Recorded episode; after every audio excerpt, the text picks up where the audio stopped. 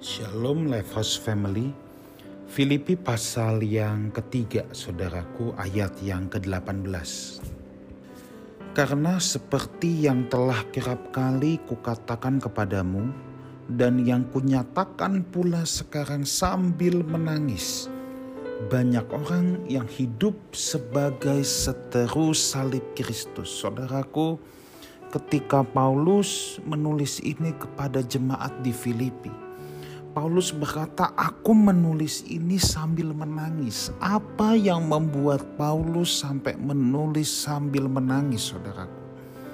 Rupanya banyak orang, rupanya ada sekelompok orang di kota Filipi yang hidup sebagai seteru salib Kristus. Kenapa Paulus jadi menangis, saudara? Ada dua alasan, saudara. Yang pertama, sebagai orang percaya, seharusnya hidup meninggikan salib. Apalagi ini masih di zaman jemaat mula-mula yang kita sudah pelajari, bahkan orang pertama kali disebut orang Kristen karena cara hidupnya yang seperti Tuhan Yesus itu terjadi di kota Antioquia dan orang-orang yang menjadi percaya disebut Kristen di kemudian hari. Nah, seharusnya orang yang menjadi orang Kristen atau menjadi orang percaya itu sahabat salib, meninggikan salib. Justru dari hidupnya memancarkan salib. Tetapi ironinya dalam hal ini disebut orang percaya, disebut orang Kristen, tetapi hidupnya sebagai seteru salib, saudara. Ya, Nah saudaraku sebenarnya kalau mau jujur yang hidup sebagai seteru salib bukan hanya di Filipi, di kota-kota lain juga ada, apalagi di Korintus saudara ya. Paulus sampai nulis juga kadangkala dengan sangat geram, dengan sangat marah. Tetapi untuk di kota Filipi ini Paulus berkata, aku menulis sambil menangis. Nah perlu saudara ketahui sebenarnya jemaat di kota Filipi adalah salah satu jemaat yang paling luar biasa dalam mendukung pelayanan Paulus. Ini salah satu jemaat yang paling militan, saudaraku ya. Mereka bukan orang-orang kaya, mereka bukan orang yang berkelebihan, tetapi mereka sangat komit dalam mendukung pelayanan Paulus.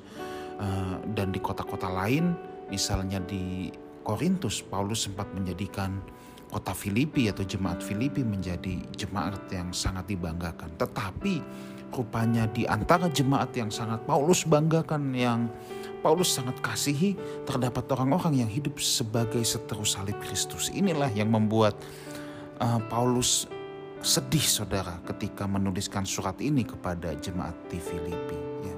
Nah, apa sih ciri-ciri orang yang hidup sebagai seteru salib Kristus ayat yang ke-19 Paulus berkata gini kesudahan mereka ialah kebinasaan jadi orang yang hidup sebagai seteru salib Kristus pasti kesudahannya adalah kebinasaan nah cirinya yang pertama gini Tuhan mereka ialah perut mereka jadi apa yang mereka pentingkan adalah kebutuhan jasmani mereka ya kebutuhan jasmani mereka mereka tidak serius mencintai Tuhan, mereka tidak hidup bagi Tuhan tetapi mereka hidup untuk kepentingan dirinya sendiri. Makanya Tuhan mereka ialah perut mereka.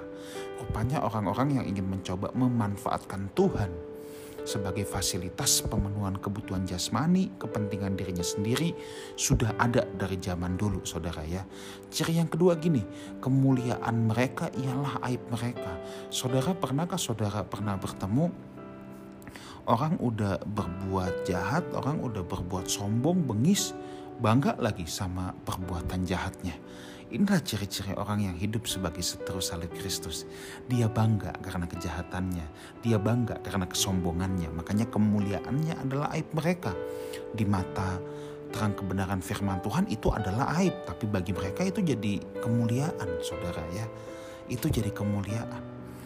Yang ketiga, cirinya pikiran mereka semata-mata tertuju pada perkara duniawi. Artinya apa? Mereka tidak peduli tentang kebenaran, mereka tidak peduli tentang kekekalan, mereka tidak memperhatikan manusia rohaninya, hal-hal yang tidak kelihatan, tetapi yang mereka pikirkan hanya semata-mata perkara duniawi. Fokus mereka hanya hal-hal yang dapat mereka bisa lihat. Fokus mereka adalah kepentingan mereka untuk hidup di bumi ini. Saudara, Paulus tentunya bukan orang yang menganggap remeh hal-hal yang bersifat materi atau hal-hal untuk kita bisa hidup di bumi ini secara baik, saudaraku ya. Buktinya dalam kesempatan yang lain Paulus juga menyuruh orang untuk bekerja. Bahkan Paulus berkata yang tidak bekerja tidak makan. Tetapi kalau pikiran semata-mata tertuju pada perkara duniawi, artinya apa? Mereka hanya memikirkan hal-hal yang hari ini, hal-hal kehidupan hari ini.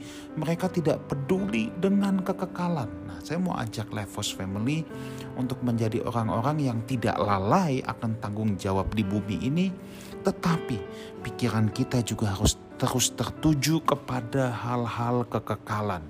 Ya, jadi kita bukan orang yang lalai, tetapi kita tidak semata-mata hanya memikirkan perkara duniawi, tetapi kita juga memikirkan perkara surgawi. Ada orang yang hanya memikirkan perkara surgawi dan lalai terhadap hal di dunia ini.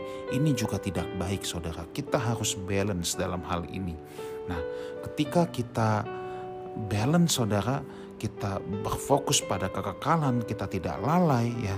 Uh, Tuhan kita itu bukan perut kita, bukan hal-hal yang hanya mementingkan diri sendiri, tetapi Tuhan kita serius kita mempertuhankan Kristus. Kemuliaan kita bukan aib kita, kemuliaan kita seharusnya adalah pelayanan kita di dalam Tuhan. Maka kita hidup sepadanan dengan salib Kristus. Saya berdoa Life House Family bukan seterus salib Kristus, tetapi boleh hidup sepadanan dengan salib Kristus. Tuhan memberkati kita semua. Haleluya.